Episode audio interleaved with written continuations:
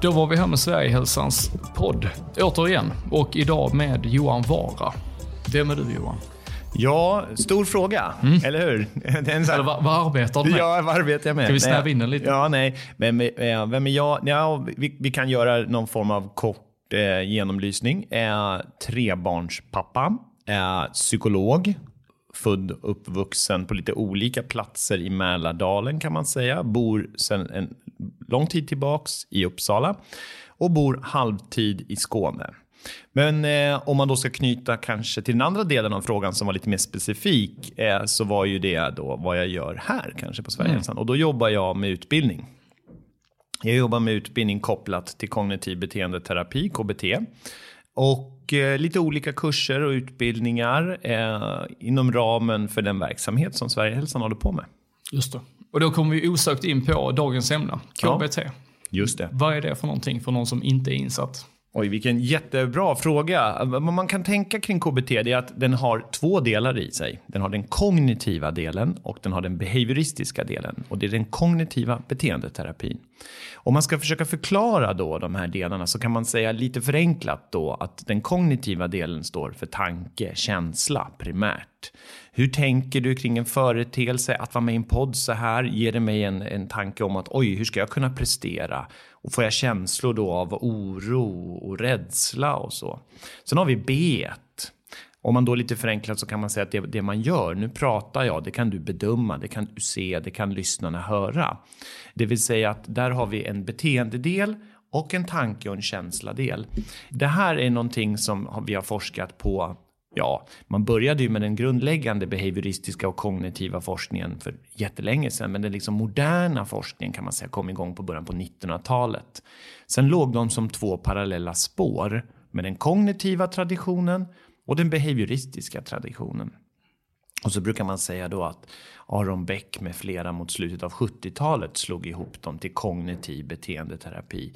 Då man alltså jobbar med en persons tankar, en persons känslor och en persons beteenden.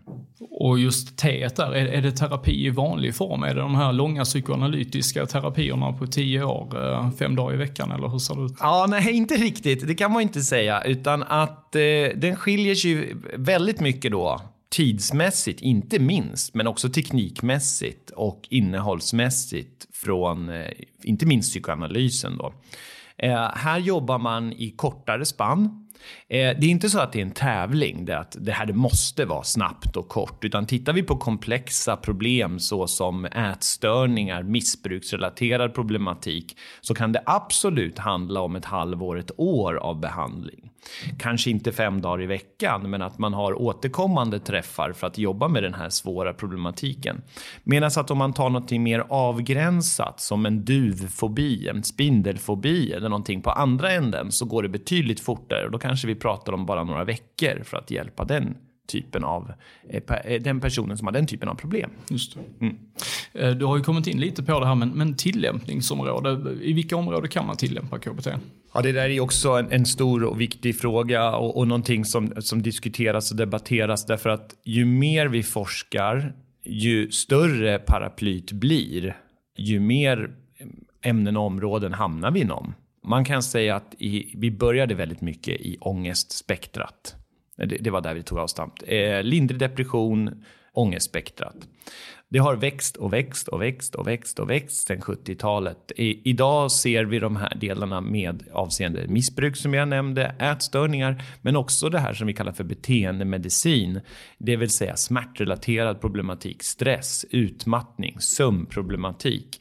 Så vi har det här i en stort, stort spektra av problem och bekymmer i populationen, alltså befolkningen som helhet, där vi hjälper människor som har stora problem inom ett eller flera områden. Mm. Och vilka resultat har det visat sig ha då utifrån de här olika områdena? Ja, man, man kan ju säga så här då att KBT har ju visat sig funka väldigt, väldigt bra. Det här som vi då lite slarvigt omnämner som evidens, att det finns empiriskt stöd, forskningsstöd. Och mm. Man ska vara noga där när man pratar om evidens. Att, eh, ibland har jag, men jag har sett en artikel här som pekar åt ett håll och det är ju inte riktigt det som är evidensbegreppet. Även om evidensbegreppet inte är supertydligt definierat så handlar det ju om att visa att det här i återkommande studier, i olika forskningsmiljöer, i olika kliniska miljöer, gärna mellan olika länder, visar att de här teknikerna funkar. Eh, och då har det visat sig att det funkar väldigt, väldigt bra för de allra flesta problemen. Det finns några problem där vi liksom inte riktigt har kommit framåt. Det är kanske för komplext, det kanske är för svårt. Schizofreni till exempel. Det finns tekniker som, som hjälper de här personerna, men, men fortfarande med de som har de svåra schizofrena skoven så lyckas vi inte nå hela vägen fram. Medan att med väldigt många problem och bekymmer, dels i ångestspektrat, panikångest, social fobi, generaliserat ångestsyndrom, depressionsproblematik, missbruk, familjeproblem, spelmissbruk etc. etc. Där har det visat sig ha väldigt stark och fin effekt. Och om man tittar då på, på själva paradigmet KBT, ja. när det har förts fram här från 70-talet som du säger. Ja. Vad har det genomgått för olika transformationer och, och var befinner vi oss just nu? Mm, ja, man, man, man, kan ju säga så här då att den, den första transformationen var ju den jag nämnde, man slog ihop K1 och B1. Så det blev den kognitiva beteendeterapin. Mm. Det, då hade vi det första avstampet. Sen klev det in, fram, en primär forskare här var Stephen Hayes som klev in runt 90 kan man säga och lanserade ACT, Acceptance and Commitment Therapy. Det plockades upp och blev då tillsammans med en del andra tekniker det som lite slarvigt har omnämnts och kallats för tredje vågens KBT. Men i det där så plockade man även upp en hel del annat. Man tittade till exempel på C, eh, Martin Seligman som håller på med positive psychology. Mm. Så man kan säga att även positive psychology flyttades in, att inte glömma bort positiva aspekter. Man lånade ju lite grann in det här som kom eh, med Kabat-Zinn med flera, det vill säga mindfulness-liknande tekniker. Sen kom Miller och Rolnick med sin motivational interviewing, motiverande samtal och då blev det en del av paraplyt. Så att jag, vad, jag, vad jag försöker säga är att paraplyt har växt och din ja. fråga är vad är vi för paradigm nu? Och det går nästan inte att säga om vi är fjärde eller femte vågen för att paraplyt växer så väldigt mycket. Vi har konceptualisering och kognitiva tekniker som Paul Paris med flera håller på med på, den, på K-sidan. Mm. Vi har då ACT med mera som är långt ut på B-sidan. Så att vi har en spridning och paraplyt bara växer och växer. Och jag vet nu inte riktigt om vi är i fjärde, femte eller sjätte vågen så att säga. Eh, när jag läste psykologprogrammet själv på 90-talet så var det ju en viktig aspekt där. Det var ju att, att vi i statistik och metodundervisningen fick lära oss att det ni lär er nu kommer ni behöva kunna revidera. Vilket vi också fick göra. Mm. Och vissa saker jag lärde mig då ser man inte likadant på idag. Därför att vi har haft, fått mycket bättre mätmetoder. Eh, det finns massor med saker inom neuropsykologin, den kliniska neuropsykologin, som inte fanns då. Man kunde inte mäta på det sättet. Och idag vet vi massor med saker som vi inte visste då. Mm. Så det tycker jag är en viktig sak när det gäller kurser och utbildningar. Precis. Och jag tänker att det är, det är ett normalt sätt att förhålla sig till forskningen. Liksom. Ja. alltså den utvecklas och vi är inte framme vid någon, vid någon slutpunkt. Det kommer vi aldrig till att vara. Det kommer vi aldrig vara. Nej, precis. Och, och då kommer man kunna säga om man lyssnar, om man går in och lyssnar på den här podden om eh, 20 år så kan man säga oj, ja just det, men titta Johan nämner inte ens de här fyra teknikerna som är de stora inom KBT idag. Just det. Och det, jag tänker att det är helt fantastiskt. Ja, det är ju det. Att vi vet ju inte det idag. Nej, det är ju, det är, det är ju skithäftigt. Det är skithäftigt och det gäller ju alla ämnen och områden. Ja, och det är ju det som driver eh, mänskligheten framåt. Precis. Det var ingen som visste vad en iPhone var för 25 år sedan, för det fanns inte. Så det gäller ju inom allt.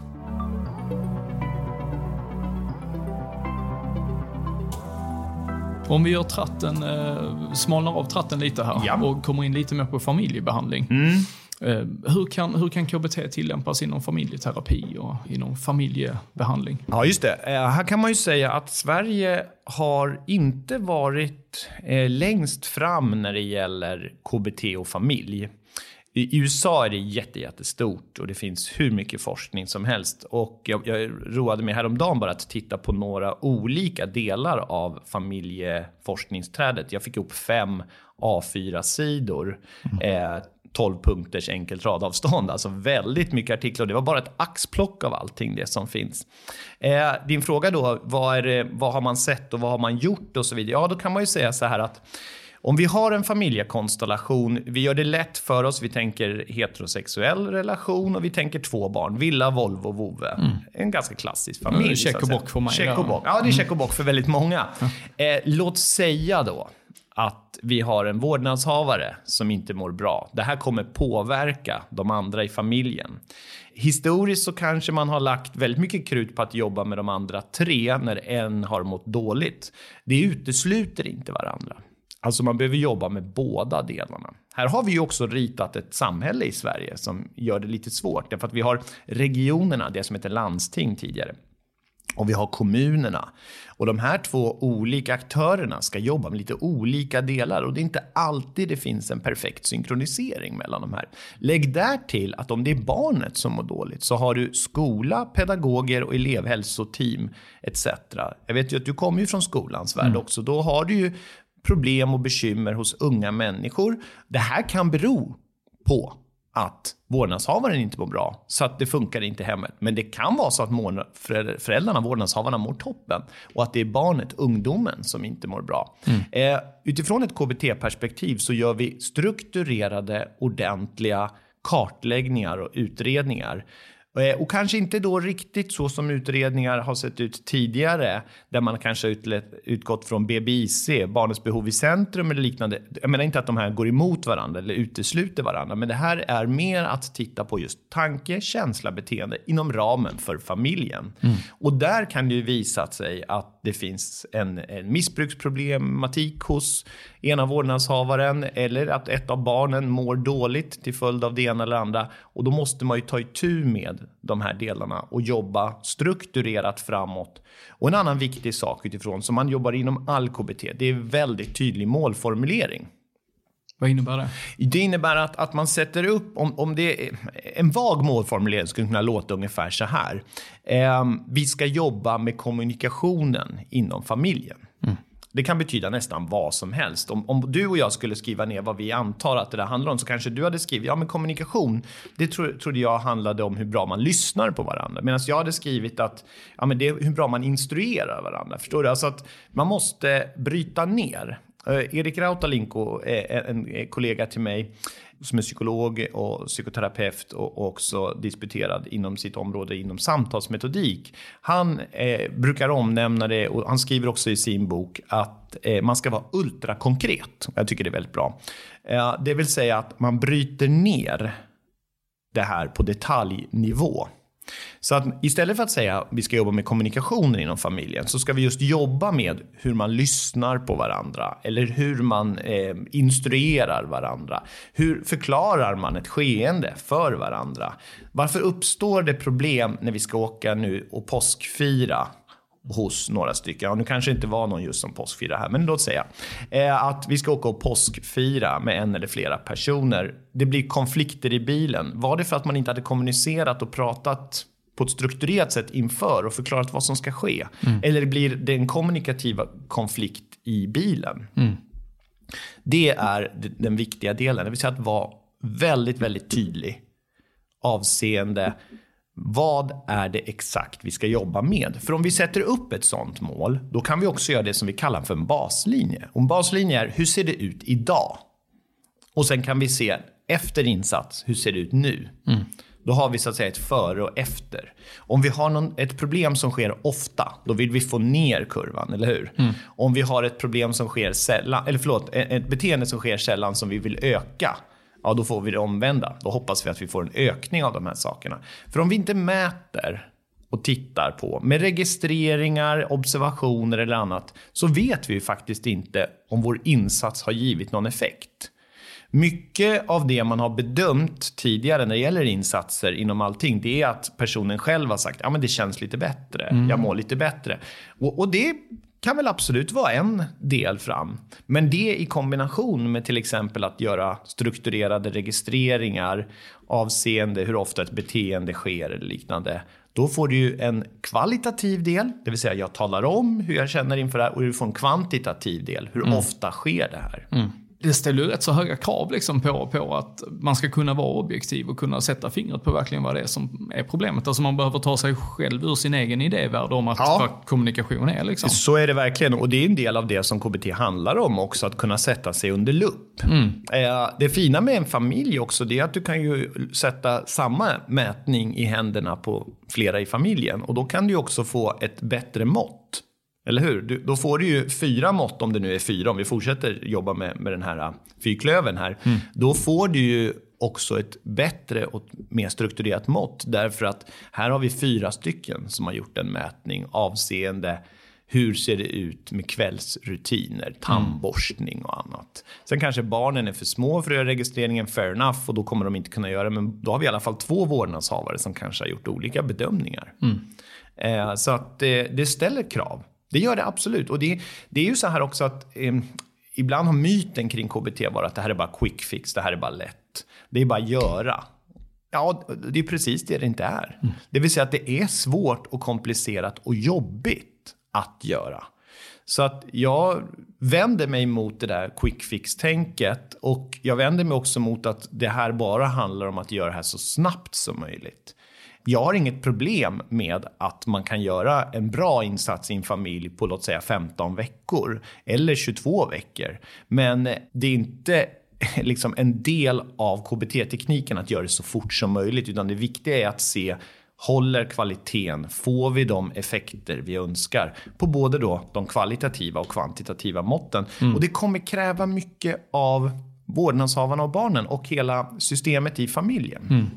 Jag tänker också att vi, vi har ju familjer eh, av olika karaktär och där barnen i, i skolan har eh, Eh, särskilt stöd. Till exempel de har åtgärdsprogram. Det är, ja. det är mycket runt om. De har en hel apparat av, av mm. människor. Mm. Och sen så kommer de hem till familjerna och där finns det bara två vårdnadshavare som har sina heltidsarbeten och ska driva runt sitt liv. Ja. Hur, hur kan man tänka i KBT-termer? Vilken hjälp kan man få från KBT-perspektiv i, i de situationerna? Ja, alltså, en del i det här är att vi ser problematisk skolnärvaro eller problematisk skolfrånvaro. Det vill säga att det finns eh, elever som rör sig i skolans miljö. De är där, men de är inte i skolan i den bemärkelsen att de är i klassrummet. Mm. De, de, de går runt som eh, zombies nästan på mm. ett sätt och lever ut under rasterna när de andra kommer ut från rasterna. Där har du en del. Mm. Den andra delen är de som inte tar sig till skolan alls. Mm. De som blir hemma. Din fråga var då hur kan vi jobba med det här utifrån ett familjeperspektiv? Mm. Och det är ju att hjälpa elevhälsoteam. Vi har haft många som har gått kurserna, utbildningarna vi har som kommer från elevhälsoteam. Vi har också haft pedagoger som har gått det, som mm. kunna hjälpa direkt i klassrummet. Och en annan viktig del det är förstås för socialtjänst, barn och ungdomspsykiatri, unga vuxna, elevhälsa med mera att kunna kommunicera och hjälpa vårdnadshavarna på bästa sätt. Mm. För ett tillägg till det du sa, det är att du har två vårdnadshavare där hemma som har livet i övrigt som spökar. Men det kan också vara så att de har dåligt mående och ohälsa som spökar. De mm. kanske själva lever i ett utanförskap avseende arbetslöshet, psykisk ohälsa och mycket annat. Jag menar att vara, att vara förälder, det är ju tufft bara att ha två helt, nu gör jag inom citationstecken här, normalt fungerande barn. Alltså har jag då mm. eh, barn med, med extra särskilda åtgärder och jag ska driva min egen karriär framåt och det ska det, det, kräver en hel del. Det kräver en hel del, absolut. Ja. Och eh, vi har ett samhälle som ställer högre och högre och högre krav. För någonting som jag flätar in i alla mina utbildningar, inte minst i familjebehandlingsutbildningen, det är ju psykologi också. Alltså mm. det vill säga grundläggande utvecklingspsykologi, socialpsykologi, grupppsykologi och mycket annat. Och utredningsmetodik. Mm. För det du sätter fingret på, det är ju att de här sakerna i samhället påverkar ju flera led. Här här förväntas man gå in och agera och fungera i en samhällskonstitution, eller mm, hur? Mm, mm. Det vill säga att finnas på de här olika platserna, klara av de här sakerna. Vi har stora krav på människor idag att kunna komma in via olika plattformar för att ta reda på ett betyg från, en, en, från skolan, att se hemläxor. När du och jag gick i skolan så hade vi en läxbok som vi fick med oss hem så våra föräldrar kunde se, jaha, idag ska Johan och Tobias här, vi ska gå igenom eh, läxa A och det är de här glosorna och så vidare. Idag så ska jag ha ett bank-id för att mm. ta mig in i de här systemen, hitta läxan och sen kontrollera att mina barn har gjort det. Vad jag menar är att det är ett komplext system att vara vuxen idag. Mm. Som ställer höga krav på mig som vårdnadshavare att fungera i samhället i stort. Men som också ställer krav på mig att kunna hjälpa och navigera mina barn framåt. Så att som ett tillägg till all den eh, omfattande KBT-utbildning vi ger inom ramen för det här så kommer det ju med nödvändighet att bli en hel del allmän psykologi också. Såklart. Mm. Och jag tänker att det, det kravet, eller den komplexiteten landar ju också i knät på myndigheter eller de som representerar myndigheten. Mm. Eh, alltså hur, hur ska vi som skola kunna kommunicera på ett bra sätt för att vi ska ja. nå ut till dig ja. eh, om att du behöver ett bank-id för att kunna logga in i den här lärplattformen ja. till exempel. Mm. Och jag tänker vilken hjälp kan, vad kan KBT bidra med i relation till organisationsperspektivet? Ja just det, för där har du ju ytterligare en del och det här pratar man ju om organisation Organizational Behavior Management, eller OBM då, mm. eh, beteendeanalys i organisation brukar omnämnas på svenska också. Här har du ytterligare en aspekt på detta, det vill säga att kunna jobba med organisationen runt eleverna. Mm. Eh, för att så som det är, har du en eller ett par i varje klassrum som har stora svårigheter. Du har tre, fyra, fem som har lindriga svårigheter. Du har sen den berömda normalföreningsklockan. Du har sen mitten, de som, ja men det går väl hyggligt framåt. Det är något, det är något B här i betyg, något C där och det är något D där och något C igen och så vidare. Mm. Och sen har du en grupp också på andra sidan normalföreningsklockan som tycker att det här går alldeles för långsamt. Det här är alldeles för lätt. De kan redan läsa när de kommer in i, i sexårsverksamheten mm. och, och så mm. vidare och så vidare. Lätt att de blir uttråkade.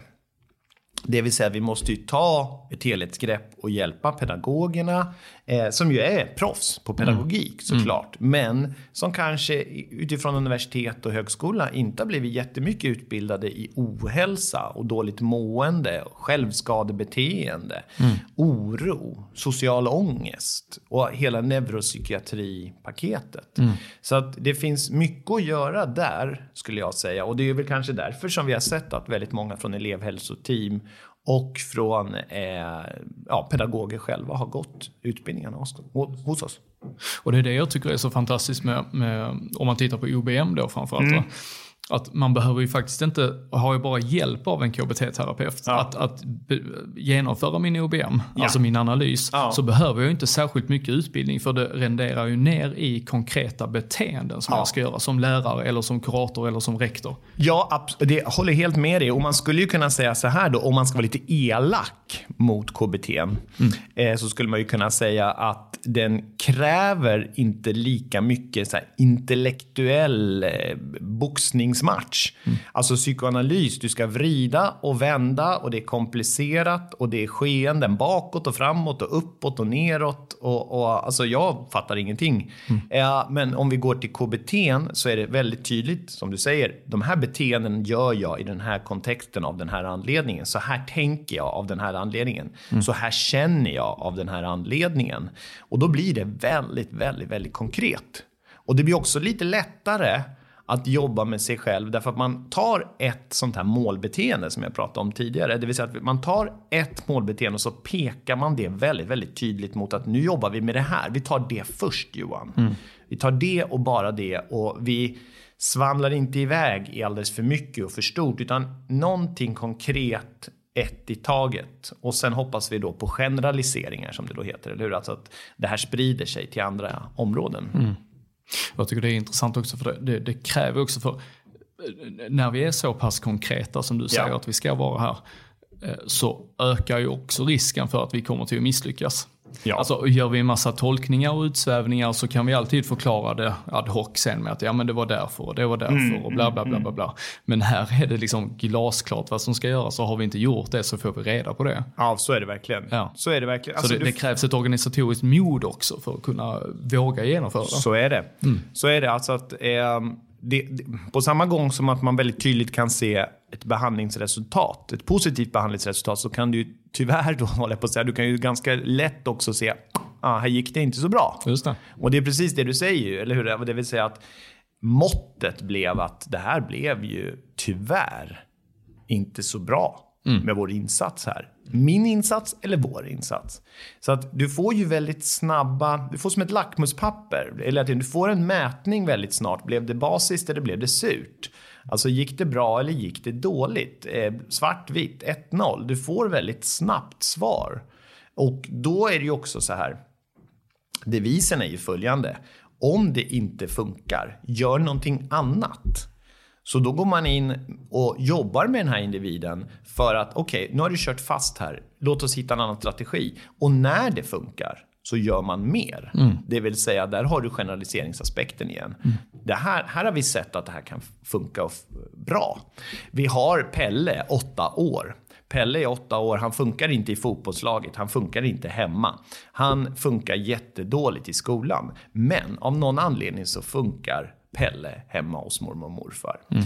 Är det för att mormor är en, en bestämd käringa Eh, och, och, och, eh, morfar är en bestämd gubbe och de bor på landet och de har ett jordbruk och det är väldigt konkret och tydligt att är man här så hjälper man till. Man går upp och så tar man hand om djur. Sen får man åka traktor, vilket är kul med morfar. Och mormor är benhård på att om man ska hjälpa till i stallet med henne så måste man göra så här och så här. Och sen är alla hårda på att Eftersom vi har varit med djur så tvättar man händerna innan man äter etc. etc, etc.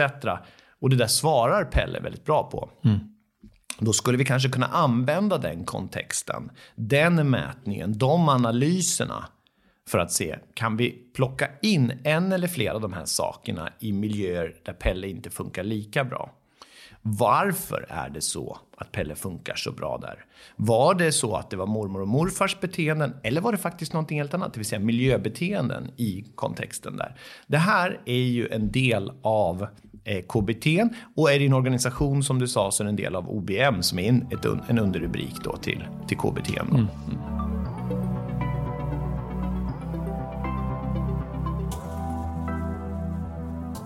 Jag tänker här också, vi befinner oss i en eh, minst sagt världsunik situation just nu när ja. vi spelar in detta avsnittet med, det vi. tänker då på avseende Vi sitter med, med lucka. Exakt, mm. exakt såklart. Mm. Och, och eh, i relation till covid-19. Mm. Flera länder har stängt ner sina, ja. hela skolverksamheten och är total lockdown. Mm. I Sverige har vi valt en annan väg, det behöver mm. vi inte kommentera på så sätt. Men det ställer ju väldigt olika förutsättningar på de här familjerna som har, har eh, barn med särskilda behov. Mm. Eh, det ställer väldigt höga krav på organisationer överlag. Mm. Det, det, är en, som sagt en världshistoriskt unik händelse vi befinner det. oss i just nu. Det det. Vad, vad har vi att säga om den utifrån ett KBT-perspektiv och familjebehandlingsperspektiv? Familjebehandlingsperspektivet är ju att så länge skolorna rullar så har vi barn som befinner sig i svårigheter som ändå har en miljö att gå till som inte bara är hemmet. Mm. Det är med största sannolikhet inte en av komponenterna som eh, Folkhälsomyndigheten primärt har tittat på, utan det ligger andra delar bakom. Men så länge vi har skolorna öppna så kan vi utifrån ett familjeperspektiv säga att här finns det rutiner, här finns det kostintag, här finns det rörelse, här finns det social bollning. Vilket är bra. Men lika fullt sen så har vi ju så att man kommer hem till vårdnadshavare som kanske redan innan inte mådde så bra. Som nu ser verksamheter rasa, arbetslöshetsflaggningar kommer, oro för hälsoaspekter dyker upp. Och här har vi ett, en utmaning allt från socialtjänst till elevhälsa som ska fungera på distans, socialtjänst på distans, barn och ungdomspsykiatri bitvis på distans, öppenvård etc. Att se, notera, markera de här barnen. Mm. Vilket är inte lätt i vanliga fall, men lättare när du har barnet ståendes på skolgården och gråter. De här barnen kommer du inte se om du har stängda skolor. Mm när du har, eh, då har vi skolperspektivet, om du flyttar då till, till hemmets miljö så är det ju också så att mår du dåligt som vårdnadshavare, det är en stressor att ha ett barn. Det är en ännu större stressor att ha två och så vidare och så vidare. Har du barn med speciella behov och du kanske själv har samma problembeskrivningar, eller hur? Mm. Så kommer ju sådana här problematiska, som du säger, världsomspännande händelser att få en, en effekt på de här. Kliver vi ur det här ganska snart så kommer förmodligen effekten vara betydligt mindre. Mm. Men skulle det här hålla i sig under längre tid, vi skulle få stora grupper i utanförskap, ännu större än vad vi redan har, ja då kommer barn och ungdomspsykiatri, elevhälsa, socialtjänst med flera att få en, en stor utmaning och någonting att verkligen sätta tänderna i. Mm. Utifrån ett KBT-perspektiv så, så, skulle vi behöva verkligen strukturerade mätverktyg, utredningsförfaranden för att kunna skjuta in insatser. Kanske inte minst hjälpa vårdnadshavarna som av en eller flera anledningar mår dåligt så att de kan fungera som vårdnadshavare just. Det är minst sagt eh, mm. ansträngande situation på flera Ver håll. Verkligen en ansträngande ja. situation. Jag har ju eh, varit med i lite olika medier, Sveriges Radio, Sveriges Television, mm. avseende de här sakerna. Och, och någonting som jag noterar, det är att vi som så att säga, förespråkar en vetenskaplig approach, det är ju också lite svårt att tugga i sig. För vetenskapen är inte som politik. Politik är i stora stycken så att säga, en trosfråga. Mm. Hög skatt eller låg skatt? Eh, mycket invandring, lite invandring. Eller vad det nu är man bollar och stöter och blöter. Här kommer vi in någonting helt annat. Här måste vi göra kalkyler, beräkningar. Mm. Och precis som en forskare sa i en annan podd som jag lyssnade på, så sa han till den som intervjuade som var journalist, så sa han att vi kanske har bra svar på hur det här hanterades av Storbritannien, Danmark, Spanien, Italien, Sverige, USA, Kina om fyra, fem år. Mm. Varpå journalisten sa, vilket jag tycker var väldigt bra att journalisten sa, det här är ju väldigt otillfredsställande som journalist och sen som läsare av det här. Mm. För det är inte så som eh, människor oftast tänker. Vi som kommer från universitetshåll, eh, från utbildningshåll, från forskningshåll, vi är vana att se det på det här sättet. Eh, att, det vill säga att det tar tid. Och att kunna ge raka, tydliga svar, det är inte så lätt. Mm. Inte ens utanför covid. När vi nu befinner oss i covid, som ju mycket väl hakar i hälsopsykologiska aspekter, som ju är en del av vår familjebehandlingsdel också. Mm. Hälsorelaterad problematik. Vi, vi, kan tänka så här, om vi ska försöka använda en metafor, så kan man tänka sig så här att en människa som är med om en trafikolycka precis i den, den är liksom inte i krisen i trafikolyckan. Utan krisen kommer sen om man till exempel har fått ett fysiologiskt somatiskt del eller om man har ett det här har blivit ett trauma som ekar kvar. Och nu befinner hela världen sig i en väldigt utdragen trafikolycka. Så att en del av aspekterna av det här i familjerna men i befolkningen som helhet kommer vi kanske kunna mäta 2020 eller, eller 2021 eller 2022. Mm, mm. Eh, och inte eh, idag. Just det. Men jag tänker där också, för likväl så så måste en familj fatta många beslut i den här processerna. Alltså ja. Ska jag skicka mina barn till skolan? Ska jag hålla ja. dem hemma? Är jag ja. i riskgruppen? Eh, hur kommer detta till att, att te sig i, i min familj och bland mina släktingar? Liksom, mm. Om jag mm. skickar dem. Det, det, är väldigt stora beslut och på något vis så spretar ju samhällsdebatten att vi har dels ett folkhälsomyndighet, mm. en folkhälsomyndighet som har valt att, att, gå en väg som går lite stick i stäv med, med vad andra länder väljer. Ja. Och vi har en rätt så stark, både, både akademisk och mm. vad ska man säga, populistisk mm. Eh, krafter i, i Sverige som säger att vi har helt fel, det här är galet. Eh, mm. Senast så såg jag det här SVT-programmet Mötet med Zytomierska och någon annan mm. läkare då som ja. hade diametralt olika, nu lägger jag ingen värdering i det. Men, nej, nej, nej, nej, men och det är men, precis så. Nej, men det behöver man inte göra. ska familjen ja. sitta där och, och jag ja. som, eh, som pappa eller mamma ska fatta ett beslut kring vad gör jag och, och hur härbärgerar jag min egen oro i detta. Absolut, och, och det, det, här är ju jättespännande och jätteintressant, det vill mm. säga att ens egna kognitiva kapacitet sätts nu på prov. Mm. Eh, och hämtar jag kanske mer data och fakta från Instagram och Facebook eller andra sociala medier, plattformar, mm. så kommer jag kanske mötas mindre av debattdelarna. Det vill säga de strukturerade debattdelarna. Och mer av tyckande och tro. Mm. Men lika fullt, precis som du säger, även när jag tittar på forskardebatten så är man inte riktigt överens där. Man är överens om vissa saker. Mm. I princip nu skulle jag säga att det finns ett konsensus kring att man borde gjort mer initialt. Mm. Det finns ett konsensus att har du symptom vistas inte bland människor.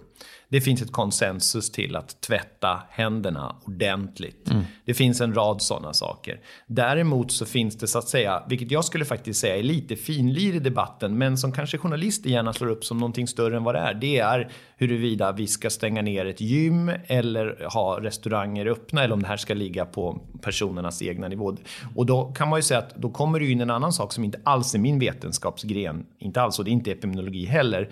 Eh, men det är ju förstås ekonomi, nationalekonomi, som också kommer in som en parameter. Och vi har då flera sådana här parallella system. Om vi återknyter till den lilla familjen, mm. vi går tillbaka till familjen, två vårdnadshavare, två barn, villa, Volvo. Och då ska man, givet att ha tittat på SVT-debatten, TV4-debatten, läst Svenska Dagbladet och Aftonbladet och försökt skapa sig en bild. Ska jag skicka mina till skolan eller liknande? Ja, då är ju det som är rådet nu, det är att Gör en besiktning av ditt barn så bra som möjligt. Mm. Snuva, hosta, stanna hemma.